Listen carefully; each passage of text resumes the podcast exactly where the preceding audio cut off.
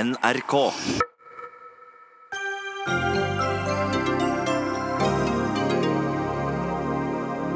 Miljøorganisasjonene tapte i tingretten. 23. konsesjonsrunde i Barentshavet er ikke i strid med Grunnloven.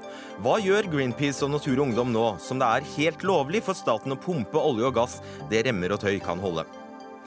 Pressens samfunnsrolle settes på prøve når nestlederen i et stort politisk parti blir forsøkt fjernet fra sitt tillitsverv gjennom utspill i nyhetsmediene, hevder tidligere arbeiderpresseredaktør. Donald Trump ville ikke egentlig bli president. Sønnen og svigersønnen hadde forræderisk møte med russere for å hvitvaske penger, og Ivanka Trump vil bli president. Nå truer Trump Steve Bannon med søksmål etter ny bok. Og hva får man hvis man innfører lærernorm på toppen av lærermangel og strengere karakterkrav på lærerutdanningen? Jo, en lærerkrise, hevder Senterpartiet.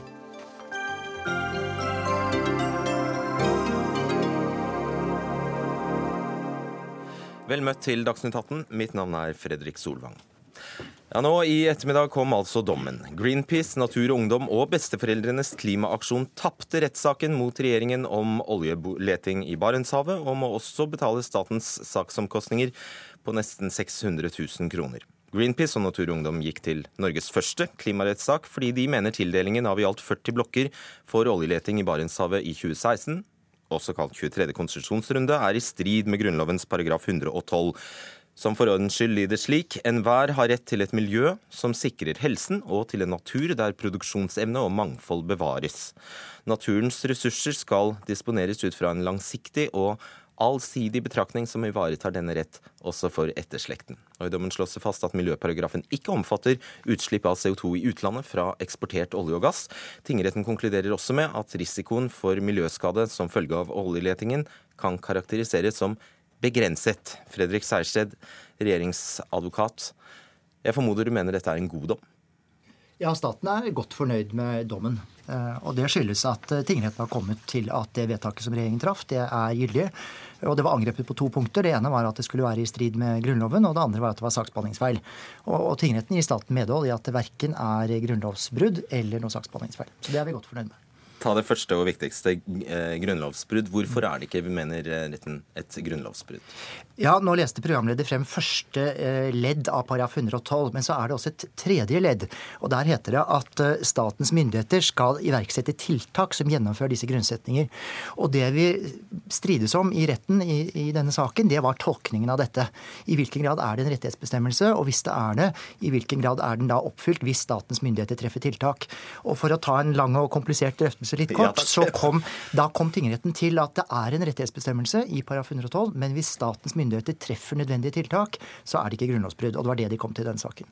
Med andre ord, eh, både Riksadvokaten og staten og tingretten har altså kommet til at man kan være helt sikre på at de tiltak enhver myndighet i Norge har iverksatt, er tilstrekkelig for å nå både Norges klimamål og verdens for øvrig. Nei, det er jeg ikke enig i. Eh, altså Det retten gjør, er at den tar en konkret vurdering av det konkrete vedtaket i denne saken, som gjaldt det som kalles 23. konsesjonsrunde, og så vurderer den det opp mot Grunnloven. Eh, og kommer til at det ikke er brudd. Men det betyr ikke at det er fritt frem for hva som helst. Så man vet ikke, altså? Man har fått en tolkning av paragraf 112 i denne saken, og den vil legge visse føringer. og Så får vi jo se om saken blir anket og om den går videre, eller om vi blir stående med denne dommen. Eh, den legger noen juridiske føringer som myndighetene aksepterer og vil forholde seg til, og så får vi se hva fremtiden bringer. Og så kommer jeg i skade for å kalle deg riksadvokat. det går bra. Beklager. Det er en vanlig misforståelse. Ja, ja, men skal ikke begås. Uh, Ingrid Skjoldvær, leder i Natur og Ungdom. Hvor forsmedelig er dette? Det er jo klart at eh, vi er skuffa. Vi tok jo denne saken til retten fordi vi håpte å vinne. Samtidig så vet vi at det å føre en sånn rettssak mot staten, og en rettssak som involverer Norges mektigste næring, oljeindustrien, det er en kamp i oppoverbakke. Så vi hadde selvfølgelig også regnet med at vi kunne komme til å tape. Samtidig så er vi glad for at dommen slår fast at eh, paragraf 112 gir enhver en rettighet til et eh, sunt miljø. Og det mener vi er bra, fordi det gjør at, eh, at, man har fått klarlagt at eh, det faktisk er en rettighet som man kan påberope seg, og det vil være viktig i denne saken videre, og også i andre og hvordan, På hvilken måte er det viktig når den tolkes av retten som mer som en programerklæring?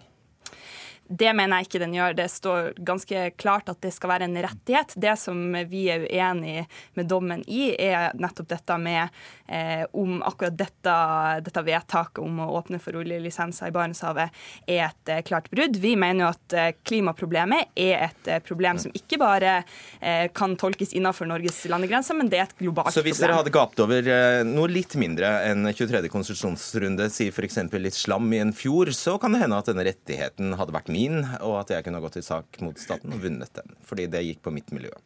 Ja, vi mener jo fremdeles at vi har en god sak. Eh... Du sa ja, Så det hadde vært kanskje lurt da å gå løs på, en, på litt slam i en fjord i stedet? Vi mener at eh, det dommen slår fast, er at eh, det er mange andre miljøsaker som kan, kan prøves for retten gjennom denne eh, Men mindre enn denne. dommen. Men vi mener også at vi fremdeles har en god sak, og at argumentene om, at, om dette ikke har blitt tilbakevist av retten. Dere, dette vil måtte føre til at dere må gape over mindre saker enn dette etter, for ettertiden? Det mener jeg ikke. Jeg mener at uh, denne uh, dommen har vist at uh, vår forståelse av hvordan klimakonsekvenser kan tolkes, det må vi ta videre. Og vi skal selvfølgelig lese dommen og så vurdere om vi ønsker å anke. Men vi mener fremdeles at vi har en sterk sak. Hva er det nest største de kan gripe fatt i, Serge? Nei, det skal ikke jeg spekulere i. Jeg er jo regjeringens advokat, så hva de vil ønske å saksøke regjeringen om, det, det, skal ikke jeg spekulere i. Ehm, det jeg har lyst til å si, er at heller ikke staten mener at eh, dette er noe tom programerklæring. Altså Staten er helt enig i at det er et rettslig innhold i paragraf 112. Og så må man vurdere konkret eh, vedtak som treffes av forvaltningen, eller lover som, som gis av Stortinget, opp mot det.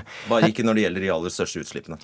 Det går ikke på størrelsen på utslippene, det går på størrelsen av utslippene kontra hvilke tiltak myndighetene eh, treffer for å avhjelpe skadevirkninger. og Det er det som er det rettslige vurderingstemaet etter paragraf 112. Da, så det kan være store eller små saker, eh, men det vil måtte vurderes konkret i den enkelte sak. Og, uh, ja, Siste spørsmål til deg før vi går videre. fordi det, det jeg da ikke får helt grep om, fordi det er jo sant det Sejersted sier, at det er nettopp tiltakene man har, har, har vurdert. Så svarer Sejersted at nei, ingen kan jo vite, for man ikke minst fordi man ikke aner hva som ligger i Barentshavet. Så ingen kan vite om tiltakene er tilstrekkelige. Hvor står vi da? Vi vet jo at potensielt sett så står vi overfor en stor klimabombe gjennom å pumpe opp all denne olje og gassen. Og vi mener jo fremdeles at, eh, at det å ta ansvar for disse utslippene vil være helt sentralt i å håndheve Grunnloven. Rasmus Hansson, talsperson for Miljøpartiet De Grønne. Eh, hva syns du om dommen? Eh, jeg syns dommen eh, er eh, interessant nok til å bli karakterisert som god, i den forstand at den for det første gir både regjeringsadvokaten og de store partiene på Stortinget, representert ved Frølich og Høyre her, en skikkelig midt på tygga. Fordi et av deres hovedargumenter i utgangspunktet var at denne saken hadde ingenting i retten å gjøre det å trekke denne saken for retten var en trussel mot den politiske eh, beslutningsprosessen i Norge. Eh, og Derfor så har jo begge dere to latterliggjort hele det eh, utgangspunktet, nemlig å trekke denne saken for retten. Nå har retten slått fast at det var høyst relevant å bruke Grunnlovens paragraf 112 i denne saken. Og uh, vi har altså fått en dom Og det er fullt lovlig som, å utlyse 23. konstitusjonsrunde. Det kommer til det. Og vi har fått en dom uh, som altså bekrefte for det norske folk at uh, det er en paragraf som vi vedtok i forrige stortingsperiode, som har et innhold som folk kan bruke. Det er kjempeviktig. Det andre ved den saken er retten har altså misforstått hva klimaendringer er. For når de plutselig avgrenser Uh, uh, anvendelsesområdet deres for paragraf 112 til utslipp som gjelder i Norge, så har de altså sett bort fra det faktum at det er jo helt uvesentlig hvor eh, klimagassutslippene eh, eh, skjer. Poenget er at konsekvensen av å hente millioner av tonn olje opp fra Barentshavet gjennom 23. konsesjonsrunde vil bli at jordas klima blir dårligere. Og det rammer norske borgeres rett etter paragraf 112. Så der mener jeg retten har tatt feil. Seierse, du mente jo opprinnelig at hele saken burde avvises, omtrent? Nei, vi mente ikke det. Det er en uh, misforståelse som er blitt spredd i media, som nå gjentas. Det vi sa hele tiden, var at den beslutningen som ligger til grunn her fra regjeringen, og bekreftet ved et meget bredt flertall i Stortinget med over 80% av stemmene, ikke burde overprøves av domstolene. Det sa vi, og det står vi på, og det har vi fått fullt med oss. Vi har ikke fått noe på midt i trynet. Ja, har så, har vi aldri, ja, så har vi aldri lagt noen innsigelser i veien for at eh, Greenpeace og Natur og Ungdom brakte søksmålet. Tvert imot. altså De brakte søksmålet, vi tok det på fullt alvor, og vi diskuterte debatterte det grundig i løpet av syv dager i retten. Og resultatet er at vi har fått fullt medhold på alle punkter. og ja, så vi har ikke fått noe midt på trynet. Vi kan godt kommentere det andre også, men det kan vi komme tilbake til. La oss komme, komme til det. Peter Frølich, stortingsrepresentant og justispolitisk talsperson i Høyre. Husker du hva du lovte? Ja. Jeg lovet å spise hatten min. I den grad jeg har en hatt, så skulle jeg spise hatten min hvis saksøkerne vant frem. Mm. Og Det var jeg så sikker på at jeg ikke kom til å gjøre, og det slipper jeg heldigvis. Mm. Når det er sagt, så har jeg aldri, aldri betvilt retten de har til å eh, ta denne saken til domstolen. Det har jeg virkelig aldri betvilt. Dette er enkelt å sjekke. En, eh, ja, og det har vært en uh, høyst interessant diskusjon vi har hatt om Grunnlovens 112 både én og to og tre ganger. Du sa den ikke hadde noe der å gjøre, i hvert fall. Jeg sier at det å avgjøre denne type saker Eh, det har ingenting i domstolen å gjøre. Det skal gjøres i Stortinget. Men å teste grensene for Grunnloven, det kan man helt fint gjøre. Det har de gjort nå, og de sier, som jeg advarte mot, at ja, Grunnloven 112 har setter noen grenser, men vi er ikke i nærheten av å bryte de grensene nå. Dermed så har saksøkerne de har tapt, og eh, det tror jeg egentlig vi kunne vært forberedt på for lenge siden. Okay, og det, er veldig, det retten har sagt, er at de tar ikke stilling til konsekvensene av dette tiltaket utenfor Norges grenser. Og konsekvensen av dette tiltaket skjer utenfor Norges grenser. Det vil bli eksportert millioner av fat olje som vil bli sluppet ut i form av CO2, som vil påvirke jordas klima. Og jordas klimaendring påvirker Norges borgeres rett til en uh, klimatrygg framtid. Og her ja. har altså retten valgt å legge en politisk vurdering av hvor klimagassutslipp skal vurderes, uh, og ikke til grunn, istedenfor å legge en naturvitenskapelig begrunnelse. Eh, og der det, eh, er det interessante oppfølgingen i denne saken. Retten er uhyre grundig når den går gjennom eh, konsekvensene og hvilken saksbehandling som er lagt til grunn her. Så jeg vil jo bare berømme retten for det arbeidet som er gjort. Så Der er vi bare uenige. Jeg mener retten gjør en god jobb der. Det, det poenget jeg har lyst til å dra opp, er at når, når domstolen sier at Altså det, det sterkeste punktet i dommen er jo når de sier at dette har faktisk politikere større forutsetninger for å avgjøre enn domstolen. De sier det altså i klartekst. De sier at i det store og hele må denne type spørsmål norsk petroleumspolitikk avgjøres av politiske organer, og norske domstoler er lite egnet til å gjøre flertall, dette. Eh, Frølik, på Stortinget, så finnes det yttergrenser. Så, så, det yttergrenser. så, så vil det føre til at Stortinget kan vedta noe som til slutt får kloden til å eksplodere. Nei, det Uten jeg var å at retten har noe med saken Grunnloven har sine grenser. Det har vi alle vært enige om. Vi har bare ment hele veien at vi gikk i nærheten av å bryte de grensene nå. Stortinget debatterer jo norsk petroleumspolitikk opp og ned i mente hele tiden og har tatt grundige vurderinger. Eh, og det har de også gjort i denne saken. Ingrid Skjoldvær, det stemmer at eh, retten faktisk har gått inn og sagt at eh, det spiller ingen rolle i denne saken hvilke klimagassutslipp eh, som oppstår som følge av norsk eksport av eh, olje og gass. Mener dere at eh, klimautslipp Norge som, som oppstår i Kina f.eks., som følge av norsk olje og gass, skal belastes Norge? De utslippene som foregår i Kina, de har konsekvenser over hele verden. De har også konsekvenser for oss her i Norge. Det skjønner alle. Men hvem skal det belastes?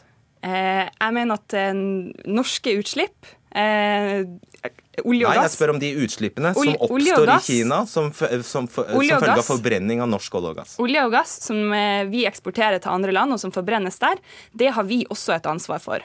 Og det mener jeg absolutt må beregnes inn. Skal det settes skal på norsk, den norske kontoen? Det mener jeg at det, det, må gjøre. Alt det Norge, alt det Kina forbruker, alt det verden forbruker av norsk olje og gass, skal settes på norsk konto?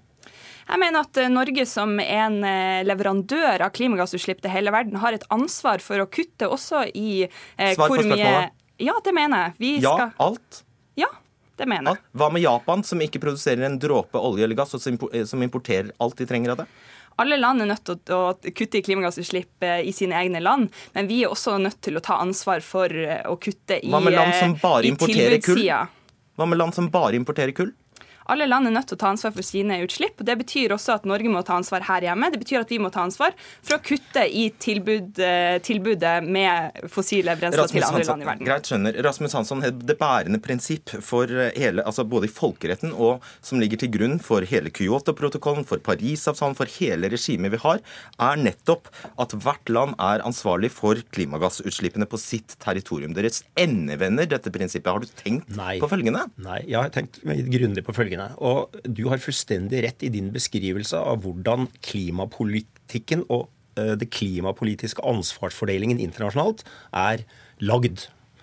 Men dette, denne saken, og beslutningen om å åpne uh, oljefeltene i 23. konsesjonsrunde er en beslutning fra det norske Stortinget om hvorvidt den olja som ligger i norske felt, skal hentes opp av bakken og bli til klimagassutslipp eller ikke.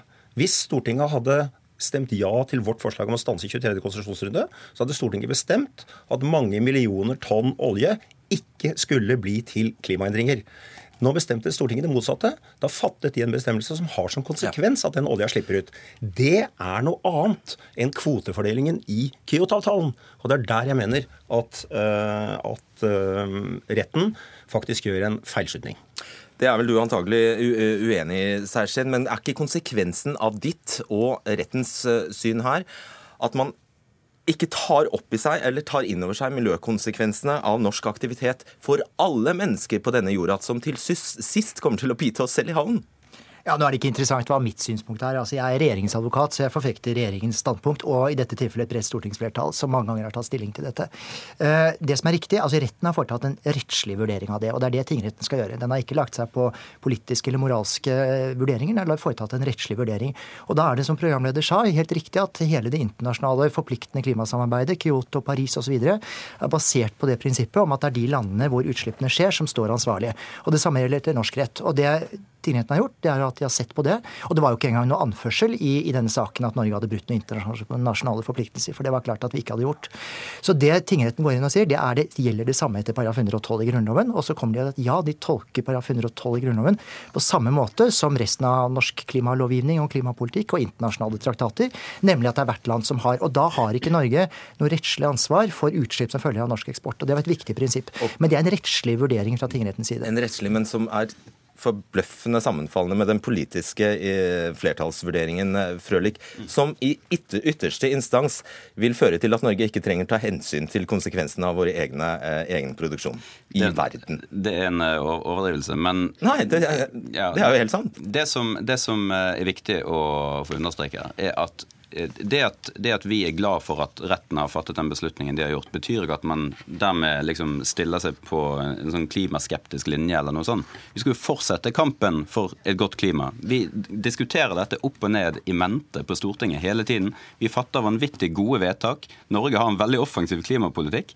Poenget er bare det at eh, den skal føres i Stortinget. Den skal ikke ja, føres okay. i rettssaken. Og i, i rettssalen, og velgerne skal kunne påvirke utfallet av den politikken, ikke dommere. Anker dere. Og det er viktig. Det blir veldig spennende å se. Vi må lese dommen grundig før vi skal ta en beslutning. Det som i hvert fall denne rettssaken har vist, var at det var både viktig og veldig riktig å ta denne saken til retten. Vi har fått løfta en eh, helt ny og mye større debatt om olje og klima, som er viktig i et eh, stort oljeproduserende land som Norge. Tusen takk skal dere ha, alle sammen. Fredrik Sejersted, Rasmus Hansson, Ingrid Skjoldvær og Peter Frølich. Dagsnytt 18 alle hverdager kl 18.00 på NRK P2 og NRK2.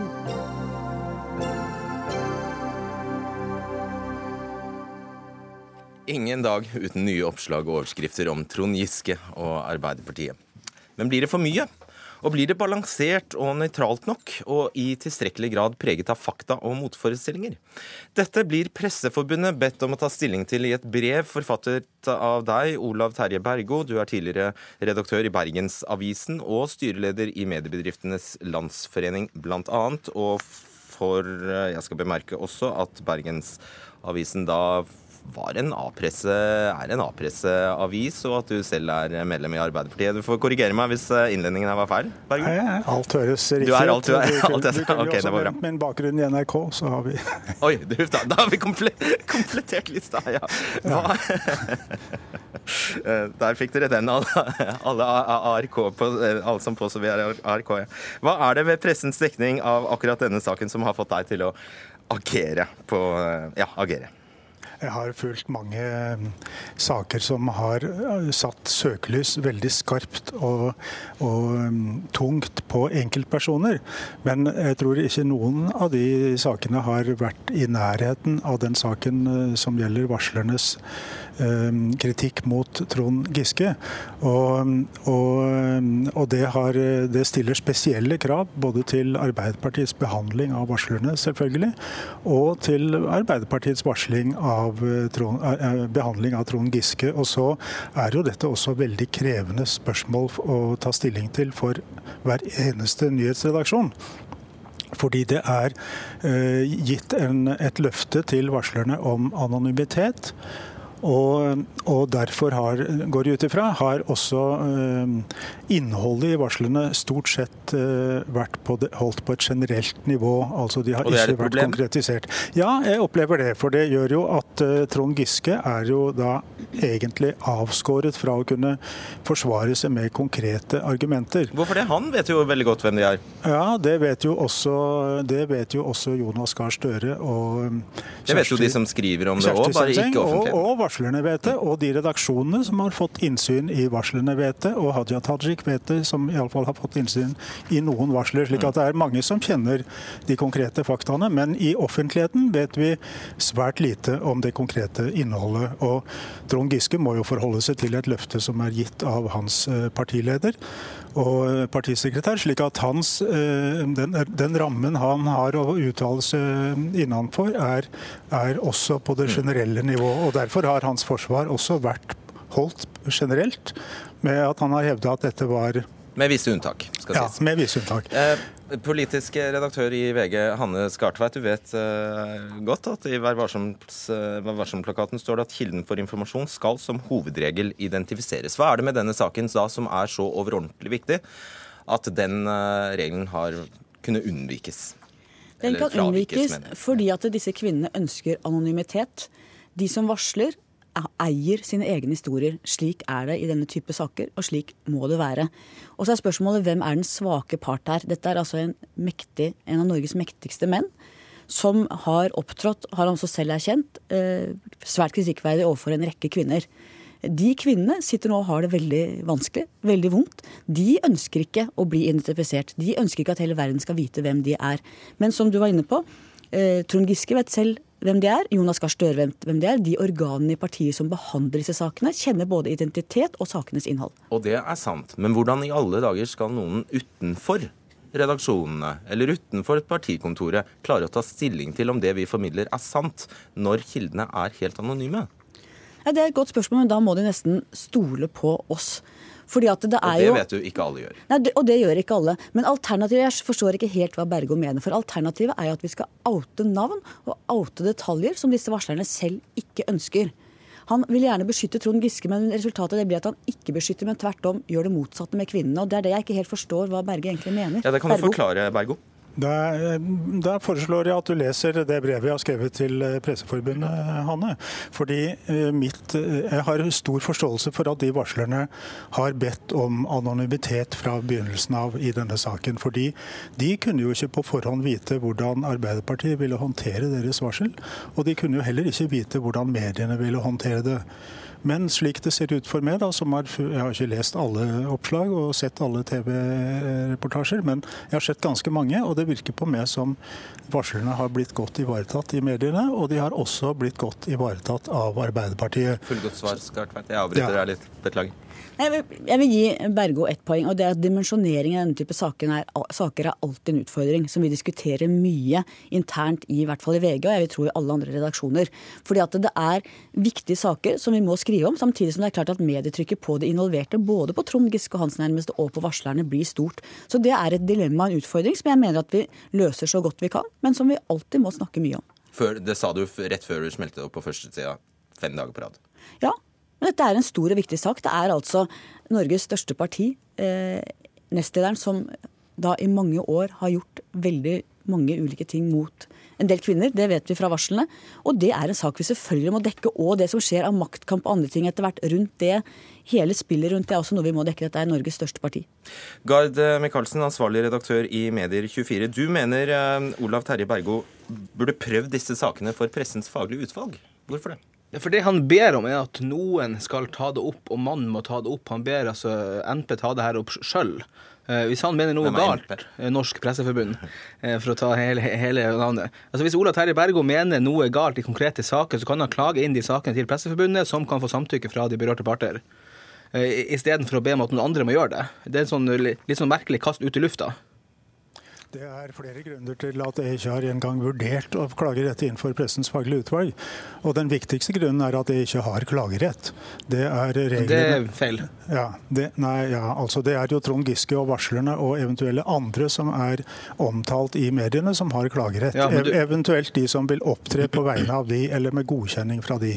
Og Den rollen har jeg overhodet ikke tenkt å innta. Jeg har, og jeg har heller ikke, og, men jeg tror sikkert det kommer kanskje noen PFU-klager i den saken. og da får de behandles på vanlig måte i Pressens faglige utvalg. Så kan vi bare gå tilbake til den dekninga av Langeland-saken tidligere i år, da det kom en klage fra en tredjeperson som ble behandla med samtykke. Ok, men, men, jeg har forholdt meg til ja, reglene slik som, slik som, jeg har forstått de. Og det som, det som, du ikke vil få i en normal PFU-klagebehandling, det er en helhetsvurdering av pressens dekning av en så stor sak som dette.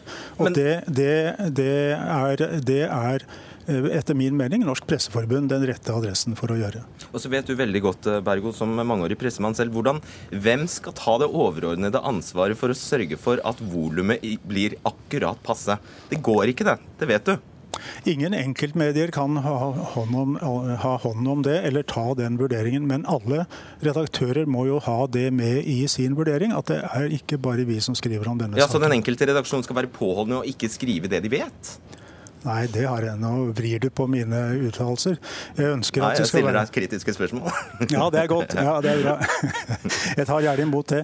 Men det jeg ønsker, er jo at et eh, sindig og fornuftig eh, utvalg mennesker i norsk presse skal samles og diskutere først kanskje få utreda, og så diskutere hvordan er denne saken behandlet hittil som helhet, og hvordan eh, er det aktuelt å gi noen føringer for hvordan vi vurderer at dette bør behandles videre. Og, det, og tiden er jo inne for det nå, ettersom det er jo kommet til en slags, en slags avslutning av en fase ved at eh, Trond Giske har trådt til side på ubestemt tid. Og at noen voksne trår inn i manesjen her, Hannes Skartveit, og ser det hele ovenfra, det kan vel umulig skade, i hvert fall? Men jeg vet ikke helt hvordan det skal løses. Det er klart Hver redaksjon har ansvar her. Og Bergo har helt rett i at det samlede medietrykket er en utfordring. Men min opplevelse er at mediene har blitt mye mer bevisst dette opp gjennom årene. At man ser I gamle dager så tror jeg man i større grad på en måte drev saken for å drive saken, og skrev også ikke når det ikke var noe å skrive. Mens i dag er vi mye mer bevisst på dimensjoneringen. Eh, en annen utfordring er jo å finne Husker du den aller første saken VG skrev om dette? Ja. Mm. Mener, kan du med hånda på hjertet si at det ikke var en sak som var skrevet bl.a. med sikte på å få fram flere varsler? Ja, Det var en sak som handlet om at varslene hadde skapt en alvorlig maktkamp i Arbeiderpartiet. Vi pekte på konsekvensene av disse varslene. Så hadde jeg lyst til å si en ting til som også er en utfordring i den type saker, og det er å finne motstemmene. Vi leter jo med lys og lykte etter noen som kan støtte Trond Giske, som kunne støtte Geir Liv Valla i sin tid. De som er i stormen. Og da er det jo veldig mange av dere støttespillere som setter seg på gjerdet og ikke ønsker å forbindes med disse offentlig.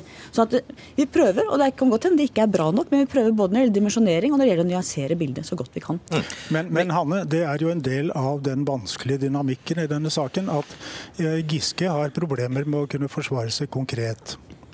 Men alle som kunne tenkes å støtte Giske, eller kritisere han for den del offentlig. De vet jo ikke hva det er som er innholdet i disse varslene, og hvordan skal du da kunne forsvare eller kritisere Giske for noe du ikke kjenner. Men hva er løsningen da? Bergo mener at vi skulle gi detaljerte beskrivelser av varslene og varslerne. Eller hva, hvordan skal dette løses, sett med dine øyne som gammel redaktør? Ja, For det første så synes jeg jo at uh, varslerne har kommet til et, uh, til et uh, punkt i saken nå hvor de kanskje kan revurdere, iallfall noen av de, kunne revurdere om de trenger anonymitet det som har vært styrken Tror du ikke de revurderer og vurderer det minutt for minutt? Jo, det, håper jeg, jo, det håper jeg veldig at de gjør. For det vil jo gjøre hele denne offentlige diskusjonen helt annerledes. Og metoo-bevegelsen, den styrken den har, er jo at det er kvinner som har stått fram med fullt navn og bilde og identitet. Men Er det ikke en viss nyhet i det, Olav Terje Bergo, at en eh, forhenværende redaktør ber eh, Eh, varslere og ofre stå fram med fullt ansikt og navn? Ja, Det er ikke noe mer originalt enn at det er jo stort sett det som har vært bildet og gjennomslagskraften til metoo-bevegelsen internasjonalt. Og Det er jo det som har gjort den helt ustoppelig også, fordi det, er, det krever jo et stort moralsk mot å gjøre det. Det er helt klart. Det er nok ganske vanskelig for en voksen mann å forstå hvilket behov de her jentene har for anonymitet, kvinnene som uh, det her blir utsatt for fra de 18 år og fram til de blir voksen.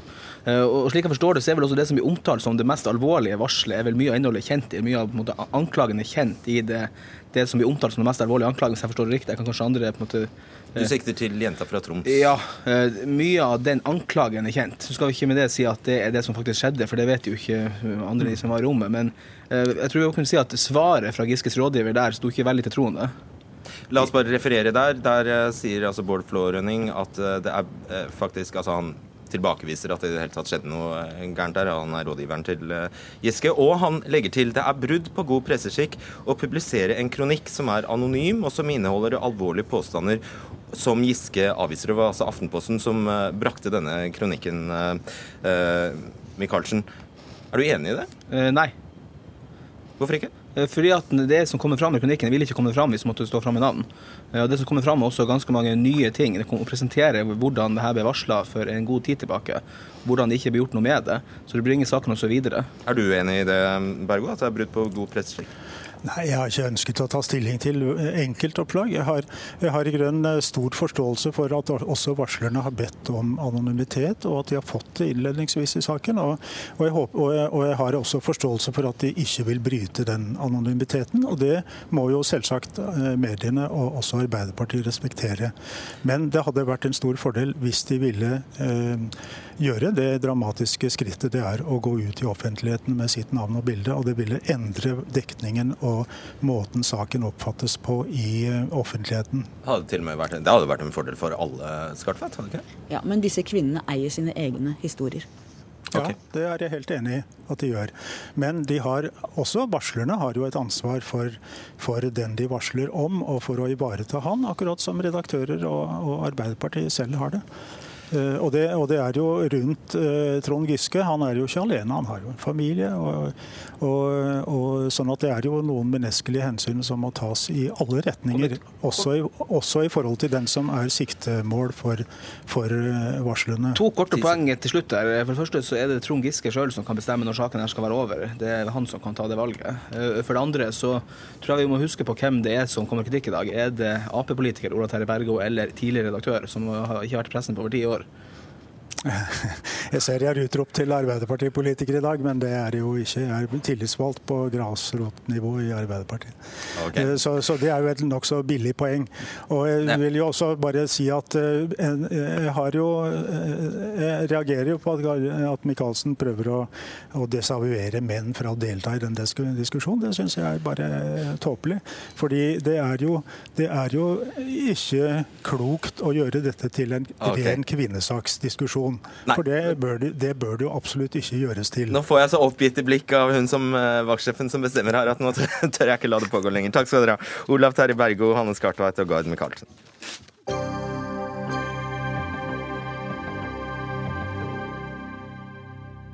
Se der, ja. Der møtte VG seg selv i døra. I USA truer eh, nå president Donald Trump med søksmål mot mannen som på mange måter sørget for at eh, Trump fikk jobben som president, nemlig tidligere valgkampsjef Steve Bannon. Bakgrunnen er karakteristikken Bannon gir av et møte Donald Trump jr. hadde med en russisk advokat i valgkampen. Bannon kaller møtet forrædersk og upatriotisk, og han hevder videre at Trump aldri ville bli president. At planen var å tape valget. Alt dette ifølge en bok som ennå ikke formelt er utgitt, men hvor utdrag er lekket til mediene. Først til deg, Anders Magnus, NRKs korrespondent i eh, Washington. Hva er det president Donald Trump har sagt om karakteristikkene fra Steve Bannon? Han har jo blitt rasende og eh, syns dette er helt forferdelig og har vært opprørt. Dette har vi pressetalskvinnen hans, Sarah Sanders, sine ord for. Eh, han har jo eh, sendt ut et, eh, en egen uttalelse fra presidentembetet hvor han sier at ikke har band bare mistet jobben, men har også mistet forstanden. Så her er det typisk Trump-ordbruk. Litt uvanlig i forhold til presidentembetet, men veldig vanlig i forhold til Trump. Det som er det interessante med den uttalelsen han kom med i går, er at nå har på mange måter presidenten selv bekreftet at eh, disse uttalelsene fra banden eh, er riktige. så det blir vanskelig for band nå å si at ja, nei, jeg sa ikke dette, jeg mente ikke dette, og, og på en måte trekke tilbake noen uttalelser som denne eh, forfatteren av boken har kommet med. Nå har Eh, på mange måter Trump tatt et steg videre og godkjent at sånn ble det sagt, og det mener Bannon. men jeg er eh, sterkt uenig i det, og jeg eh, liker ikke at han angriper meg og min familie på denne måten. Og Bannon, har han reagert? Han har i dag uttalt seg på radio og sagt da at Trump er fortsatt min ledestjerne og den beste politikeren i landet. Og det er ingenting som skiller meg og hans politiske agenda. Jeg vet ikke hvor mye det gjelder for Trump. Jeg tror nok at eh, Trump har eh, bestemt seg for å kvitte seg med banden fullstendig. Han har jo sagt at han spilte en eh, minimal rolle under valgkampen, slik Trump har gjort tidligere med folk han har sparket eller som har forsvunnet ut av hans stab, har blitt, eller som har blitt f.eks. siktet og tiltalt, som Paul Manafort de har eh, hele tiden blitt eh, gjort til mindre enn de var da, da de jobbet sammen med Trump. Mm. Anders Giæver, kommentator, tidligere USA-korrespondent eh, i VG. Du skriver i ettermiddag at det som skjer i USA nå, er resultatet av to gigantiske egoer som barker Tre gigantiske, tre gigantiske egoer som barker sammen. Men hva er det Altså, Bannon var altså en av de aller viktigste støttespillerne til Trump. Nå er han altså uh, helt ute i, i kulda. Kan det tenkes at det er hevnmotiver ute og går her? Ja, Det tror jeg veldig klart kan tenkes. og Det, var, det er jo veldig rare altså disse uttalelsene hans om, uh, om at Donald Trump juniors samrøre med russerne har vært forrædersk og upatriotisk. altså Bannon var for ikke veldig lenge siden ute på 60 Minutes og sa at hele denne Russland-etterforskningen var en farse. Eh, så at han nå uh, kommer med at det er upatriotisk, forræderisk, da er det jo definitivt ikke, ikke en farse. Det, det, er jo spesielt. Så må jeg også si at denne journalisten, Michael Wolff, ja. han er en Det var det tredje ego her. Uh, han er en meget kontroversiell skribent og journalist og, og forfatter i USA, eh, som ofte blir beskyldt for å ha overdrevet og også tillagt intervjuobjekter uttalelser de ikke har kommet med. Jeg ser at det er flere sånne litt mindre viktige personer i boka som, som nå er sitert, og som hevder at dette har de aldri sagt. Uh, får vi lese og, se hele boka når den kommer. Men det spesielle er jo selvfølgelig at Trump-administrasjonen har gitt en sånn fyr den tilgangen. Han har vært helt på innsiden av Det hvite hus. 200 intervjuer, sier det. 200 intervjuer, og har fått lov til å sitte der. Han beskrev jo at han liksom har vært sånn sofatilhører på, på møter. Og i det hele tatt, han har sittet der på innsiden og sett uh, hele dette spektakulære showet som er eh, reality-showet som er eh, Trumps eh, Hvite hus. La oss ta Det hvite huset, Anders Magnus. Boka heter altså 'Fire and Fury Inside the Trump White House'. Hva slags bilde av presidentboligen er det som tegnes? Ja, vi, vi, må jo være forsiktige med å, eh, å, gjengi dette som sannheter. For som Giæver sier, denne eh, forfatteren har jo et litt frynsete rykte. Men som noen sa på TV her, bare hvis 10% av det som er der er korrekt, så er det mer enn nok. Det som sies bl.a. i boken, er at Trump ikke ønsket selv å bli president. At Melania gråt da de vant valget, for hun ville slett ikke være førstedame. og at det var ingen som var forberedt på å lage noen slags overgangsteam for Trump, og det var kaos fra første dag. Det har vært maktkamp.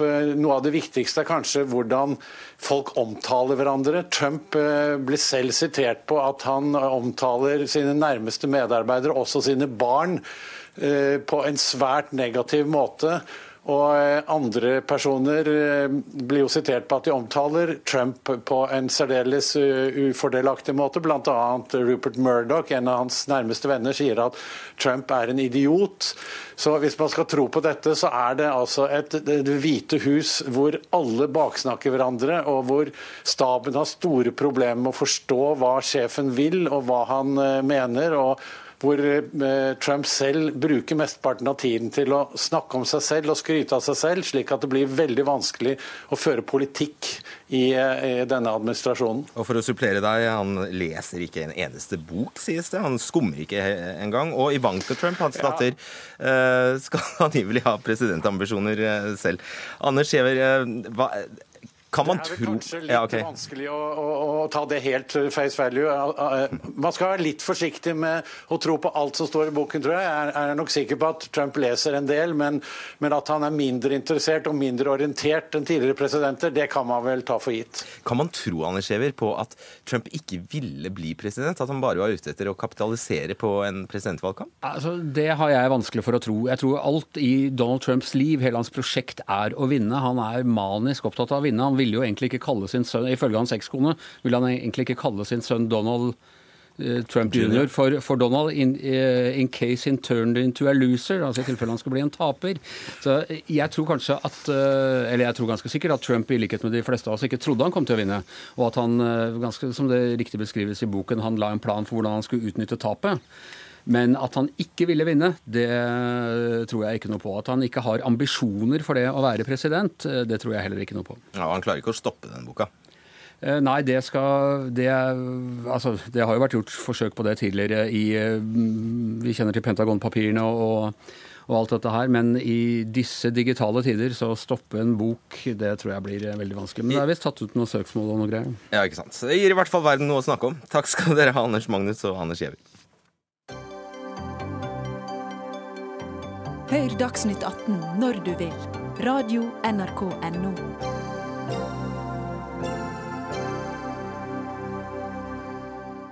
Hvor skal fremtidens politihøgskole være? Det skal politikerne ta stilling til. I mellomtiden er debatten og posisjoneringen veldig godt i gang. Å flytte Politihøgskolen fra Oslo er en dårlig idé. En så dårlig idé at det er som å invitere til et bikkjeslagsmål uten grunn, sier du, Jan Bøhler, stortingsrepresentant for Arbeiderpartiet i justiskomiteen. Hvorfor det? Jo, vi er alle enige om, tror jeg tverrpolitisk, at vi i Norge har en av verdens aller beste politiutdanninger. Du har kalt det alle verdens, eh, verdens aller beste. Jeg har lurt på det i hele dag. Hvor har du det fra? skrev jeg i ja. innlegg, og det, ble, det, er også et sitat fra hva Høyre-representanter sa i Stortinget i debatten ja, før jul. Okay. Og det, En av grunnene til det er at den ligger i Oslo, hvor man har eh, veldig god Eh, bakgrunn for å utdanne seg som politi. Man bor og lever og opplever det mest sammensatte kriminalitetsbildet i Norges land. Får masse erfaring. Vi har veldig direkte tilgang på de beste foreleserne man kan ha fra Kripos, Økokrim, PST, Oslo politidistrikt osv. Og, og, eh, det er veldig mange som søker seg eh, til Politihøgskolen når den ligger i Oslo, for de ønsker å utdanne seg der. Og særlig det med å få mange med innvandrerbakgrunn, minoritetsbakgrunn, til å eh, utdanne seg på Politihøgskolen er viktig for framtidas politi. Og de har Men da, Det bor eksempel, ikke innvandrere andre steder enn i Oslo? Eller? Jo, men de bor aller flest her. Og det er klart at da er det også lettere å få mange søkere. Okay. Og I tillegg så har Politihøgskolen i Oslo bygd opp et system hvor de har avdelinger i Bodø, Stavern, Kongsvinger, sånn at eh, kompetansen spres rundt i landet. Det utdannes også politistudenter rundt da i flere viktige deler av Norge. Og f.eks. i Bodø så er det også uro nå for at man begynner å røre ved den modellen vi har for politiutdanning, som har vært veldig vellykka. Så jeg mener jo at eh, de som begynner å roter med å skulle flytte denne, de bør ha veldig gode argumenter for det, når vi alle er enige om at vi har en så god modell. Vi får undersøke om han har det. Ulf Leirstein, stortingsrepresentant for Fremskrittspartiet også i justiskomiteen. Du ønsker skolen velkommen til Moss? Ja, jeg ønsker i hvert fall å flytte Politihøgskolen ut av Oslo. Nå er det jo slik at vi har Alle er enige om at vi ønsker en ny politihøgskole for å erstatte den politihøgskolen vi har i Oslo Hvorfor i dag. Hvorfor det? Fordi den er for liten, eller? Ja, den er uhensiktsmessig. og det er, poenget, er å få, poenget er å få nye lokaler. og så Det er alle enige om. Så alle er enige om at den skal flytte eller oppgradere eller et eller annet. Og da er Vårt utgangspunkt følgende. det er at Hvorfor i alle dager skal det være slik at alle disse statlige virksomhetene må ligge midt i Oslo? Det er jo ingen grunn til. Det er ikke noen gode argumenter for det. Det er fullt mulig å legge en helt ny, flunka ny politihøgskole utenfor Oslo. Og Der får man bl.a. den gevinsten ved at det er billigere å bygge utenfor Oslo enn i Oslo. Det Men Jan Bøhler hadde jo en liste på tre minutter her, med gode grunner. Ja, jeg syns ikke det er gode argumenter i det hele tatt. Jeg synes det, for det, Hans argumenter her er blant annet han snakker om Politihøgskolen i Oslo. Ja, Men den ligger jo ikke bare i Oslo i dag. Den ligger jo også i Bodø, Kongsvinger og i Stavern. Så det Argumentasjonen til Jan Bøhler går ut på at han tydeligvis da ikke syns de gjør noe god jobb da utenfor Oslo. Hva er ditt beste argument for å flytte ut, da? Nei, det, Hvis jeg kan fullføre, ja, skal jeg si det. Det viktigste argumentet nå er at man har fått mulighet til å bygge en ny skole utenfor Oslo. Så blir det til en billigere penge enn hvis vi bygger i Oslo. Også for studentene så vil det være bedre å ha en skole utenfor Oslo, for det er bl.a. lettere å få hybel. Og det er altså billigere bokostnader for studentene enn å bo midt i Oslo. Det tror jeg alle skjønner. Det er en kjempeutfordring for studenter i Oslo å få bopel til en billig penge. Så det er masse gode gevinster for studentene, og ikke minst for skattebetalerne. Vi får en bedre skole for de samme pengene, altså utenfor Oslo, ut fra boligprisene. Er du enig i at Og så er det sånn at Politihøgskolen ligger jo i dag tre andre steder enn bare Oslo. Og det er jo kjempebra det, at Politihøgskolen ligger flere steder enn bare Oslo. Har du allerede Oslo. sagt. Ja. Er, det, er, du enig med Bøhler i at det er en av verdens beste politihøgskoler? Der den ligger i dag? Altså Politiskoleutdanninga eh, i Norge er vel en av verdens beste, men det kommer jo ikke ut ifra at man ligger der man ligger i dag på Majorstuen. Det er en veldig uhensiktsmessig bygg, og det sier jo rektoren og alle der oppe selv, at man helst vil ha en ny politihøgskole. Så vi skal lage verdens absolutt beste politiutdanning, men da trenger vi en ny politihøgskole, og den får vi til en billigere penge utafor Oslo. Du, Bøhler, i en kronikk i Dagbladet kritiserer du regjeringspartiene for å hoppe bukk over utredningen av hvilken politihøgskole vi skal ha. Hva slags utredning er det, og hva slags bok er det? Jo, da dette først ble lansert, hvor Politihøgskolen ble satt opp på en liste over mulige utflyttingsprosjekter fra Oslo, så understrekte justisministeren i et svar til meg i Stortinget i mars i år at dette skulle bare utredes, at ikke noe var bestemt, og at han advarte, sa vi må være forsiktige med å forhåndskonkludere med om det skal flyttes ut eller ikke. Men så, nå før jul, så overraska det meg da veldig at hans eget parti, Frp, og nå med Leirstein og, og Høyre, eh, skrev at de understreket at en ny politihøgskole skal lokaliseres utenfor Oslo. Det var jo veldig stort sprang fra å si at dette bare skulle utredes, som han sa på vårparten. Og utredningen, Det har vært gjort noen forberedelser i høst, men selve utredningen starter eh, ifølge de som skal jobbe med det, nå i januar. Sånn at man bestemmer seg før utredningen er startet, det reagerte jo jeg veldig sterkt på. Stemmer og hvis det, kommer, at hvis man forholder det kan jo ikke være noe verre det, Jan Bøhler. Det kan ikke være noe verre det enn at du allerede før utredningen har kommet bestemt deg for at den skal være i Oslo. Dette er et politisk standpunkt. Dette er et politisk standpunkt at man ønsker å flytte flere arbeidsplasser og studieplasser ut av Oslo til andre deler av dette kongeriket. Og Det er et politisk standpunkt som Fremskrittspartiet og Høyre har tatt. Det er altså ikke noe mer galt det enn det standpunktet du har tatt. Men jeg er litt usikker på hva Arbeiderpartiet på Stortinget mener. For etter det jeg vet, så har ikke Arbeiderpartiet på Stortinget konkludert med at Politihøgskolen skal forbli i Oslo. Det er vel akkurat det samme som at eh, Høyre og Fremskrittspartiet sånn, i, i Oslo er sterkt for å ha Politihøgskolen i Oslo. Sånn at, eh, og det er jo i Groruddalen som har like billige tomter, tror jeg, som i Moss. Men du kan svare I- på spørsmålet til Leirstein, Og, for Og industriområdet i Groruddalen, at svar- denne nye skolen planlegges. Svar, svar på spørsmålet fra, fra Leirstein. Er det du eller er det Arbeiderpartiet som mener dette? Jeg, har, eh, jeg er i justiskomiteen for Arbeiderpartiet, og det er i hvert fall en felles sterk reaksjon i Arbeiderpartiet på at eh, man konkluderer med at den skal flyttes ut før dette er Ja, utredet, dere som man lovte å være har om. Da har vi ikke konkludert på at den skal forbli i Oslo heller. Det er det jeg spør om. Arbeiderpartiet har ikke konkludert på at den skal forbli i Oslo. Så det du snakker om nå er på vegne av deg selv og ikke Det er på vegne av alle partier tverrpolitisk i Oslo, også Høyre og Frp i Oslo. Ja, i og i Oslo, ja, men nå snakker vi om Stortinget nå. Så jeg tror eh, også du Ja da, ja, da, jeg har store vi problemer med din eget parti.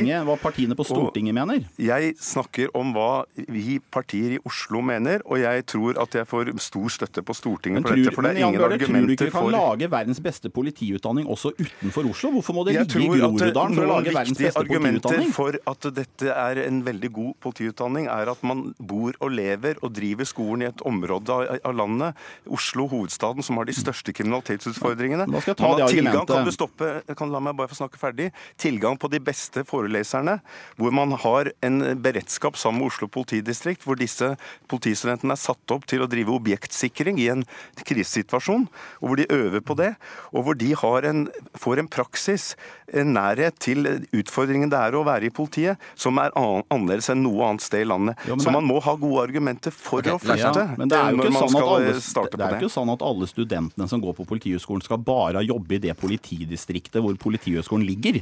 Politistudentene andre året, de andre, andre, nå, andre året på politiutdanninga så skal altså disse eh, studentene ut og jobbe i et politidistrikt. Og Da jobber de f.eks. i Moss eller Lillestrøm eller i Alta eller i Bergen. De, altså de, selv om skolen ligger i Oslo, så skal de ikke nødvendigvis jobbe i Oslo politidistrikt, ei heller under studietiden. Det skjønner alle, Det skjønner men da kan vel skolen like, i prinsippet like gjerne ligge i Alta som i Moss? Det kan du gjøre. Jeg har ikke sagt Moss. Det var programlederen som innledet med. Men, eh, men det Fremskrittspartiet Høyre har sagt på Stortinget, er at vi ønsker en nærhet til Oslo. Og skal jeg begrunne hvorfor vi ønsker nærheten til Oslo? Det er for at Kripos, Politidirektoratet og andre som av og til avgir foredragsholdere til Politihøgskolen, dem ligger i Oslo. Så det skjønner jeg at det er noen utfordringer med hvis man skal ha masse overnatting og sånn for foredragsholdere. Men det å si at det er lang avstand f.eks. til Stavern eller Moss fra Oslo, og at det vil ødelegge for Politihøgskolen, det er jo bare tull. Det er bare et argument for å prøve å finne på, eller finne på argument for å si hvorfor man skal være i Oslo. Jeg syns det er bra at denne regjeringa ønsker å flytte flere arbeidsplasser og studieplasser ut av Oslo, og vi skal kunne bygge verdens beste politiutdanning. Ok, Bøhler. Ja, nei, Jeg mener at det eneste argumentet jeg har hørt her, er at han mener det er billigere å bygge denne, de nye lokalene til denne skolen i Moss enn i Oslo. Og da, Hvis det er det eneste argumentet for å ødelegge en veldig god, eller ruske opp i en veldig god modell som vi nå har, så syns jeg det er veldig svake argumenter når forslaget som har vært utredet nå i flere år, startet jobbinga med det under den rød-grønne regjeringen. Det er derfor jeg også har et fotfeste i forhold til hva vi har jobbet med i eget parti. Eh, Den utredningen handler om et sted nær Furuset i Groruddalen, ved Grorud stasjon, hvor man har eh, industri-lagerområder, eh, statlige eiendommer som eies av Rom Eiendom, som jo jeg tviler på at det er noe dyrere å bygge der enn i, i Moss. Og dette har det samme ingenting med at det er din Få seg valgkrets. hybler, få seg steder å bo. Når man skal bo oppover i Groruddalen, så er det helt andre priser enn midt i både du Oslo, og jeg, som Jan, både du og jeg er altså for å flytte Politihøgskolen i Ikke flytte, det, er, det skal bygges Jo, det nye er lokaler. I. I Groruddalen så ligger den i hovedstaden og nært til utfordringene. Nei, jeg forventer en beslutning i år eh, I på år? hva man skal gjøre. Det håper jeg. Ja. Ok, vi får se. Jan Bøhler og Ulf Leirstein. Takk.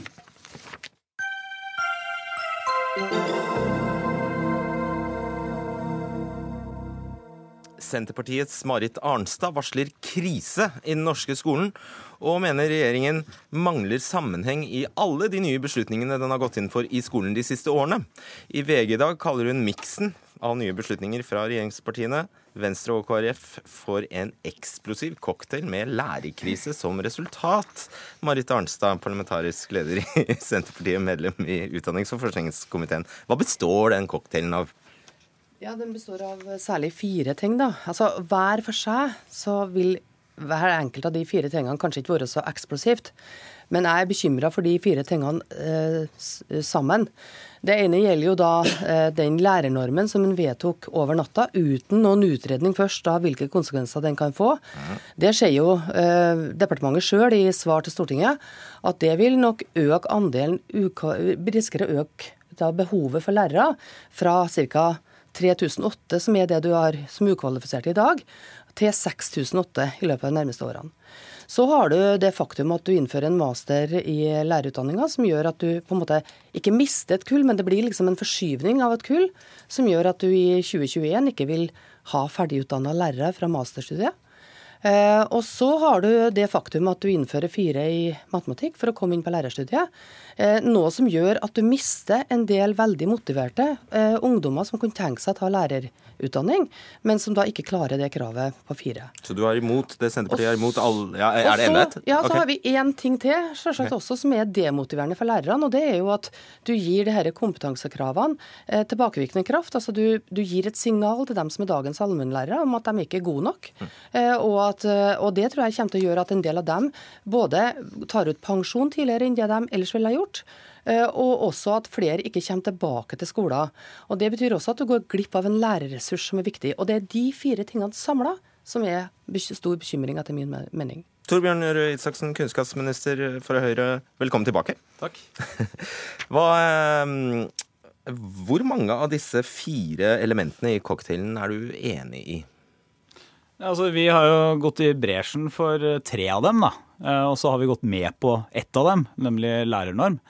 Og så er jeg enig med Marit Arnstad i at eh, det å sette læreren på toppen av dette gjør det ikke enklere å rekruttere alle lærerne vi trenger.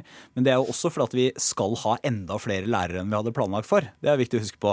Det er jo ikke fordi at vi senker barrieren og sier at nå skal vi ha like mange som i dag. Nei, vi skal ha enda flere lærere inn. Og så er jeg mer Så dette er egentlig av- ingen debatt? Dere er i grunnen grunnen jo, jo, jo, altså det er en debatt, men, men det er to ting jeg mener er viktig. Det første er jo konkrete løsninger. Jeg synes eh, Senterpartiet nærmer seg et sånt norgesmesterskap i å beskrive problemer. og Det er veldig bra det at vi får problemer opp til debatt, men man må jo ha noen Hun løsninger er i også. opposisjon. Jo, jo, men det er jo også i opposisjon så må man jo kunne kreve noen løsninger. Det er helt greit hvis, man, hvis løsningen er at vi ikke skal ha mastergrad, eller vi skal gjøre det lettere for flere å komme inn på lærerstudiet, altså senke kravene for å komme inn.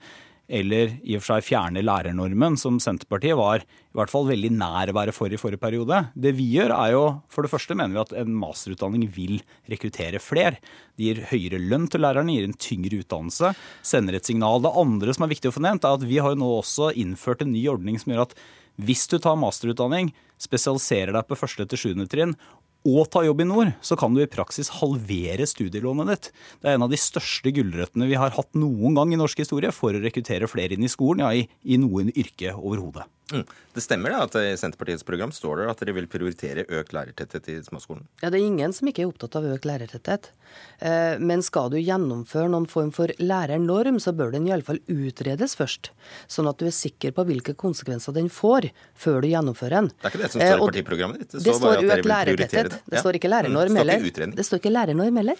Men vi har tatt til orde for at du utreder problemstillinga om lærernorm, fordi vi mener at du må ha alle konsekvensene på bordet eh, av en lærernorm før du, før du tar stilling til det. Men det som bekymrer meg nå litt, er at du, nå låses vi inn i et mønster her. Altså, KrF er jo enig med Senterpartiet i at firekravet i matematikk ikke er bra, og at den avskiltinga av allmennlærerne ikke er bra. Men de gir opp det for å få en budsjettenighet med Høyre. Og Høyre er jo er jo på en måte også opptatt av at lærernorm, det er ikke bra. Mm. Men for å, gi, for å bli enig med KrF, så gir de opp den. Så begge partene gir opp noen ting som de syns er viktig, og summen av det vi da får, er etter min mening bekymringsverdig.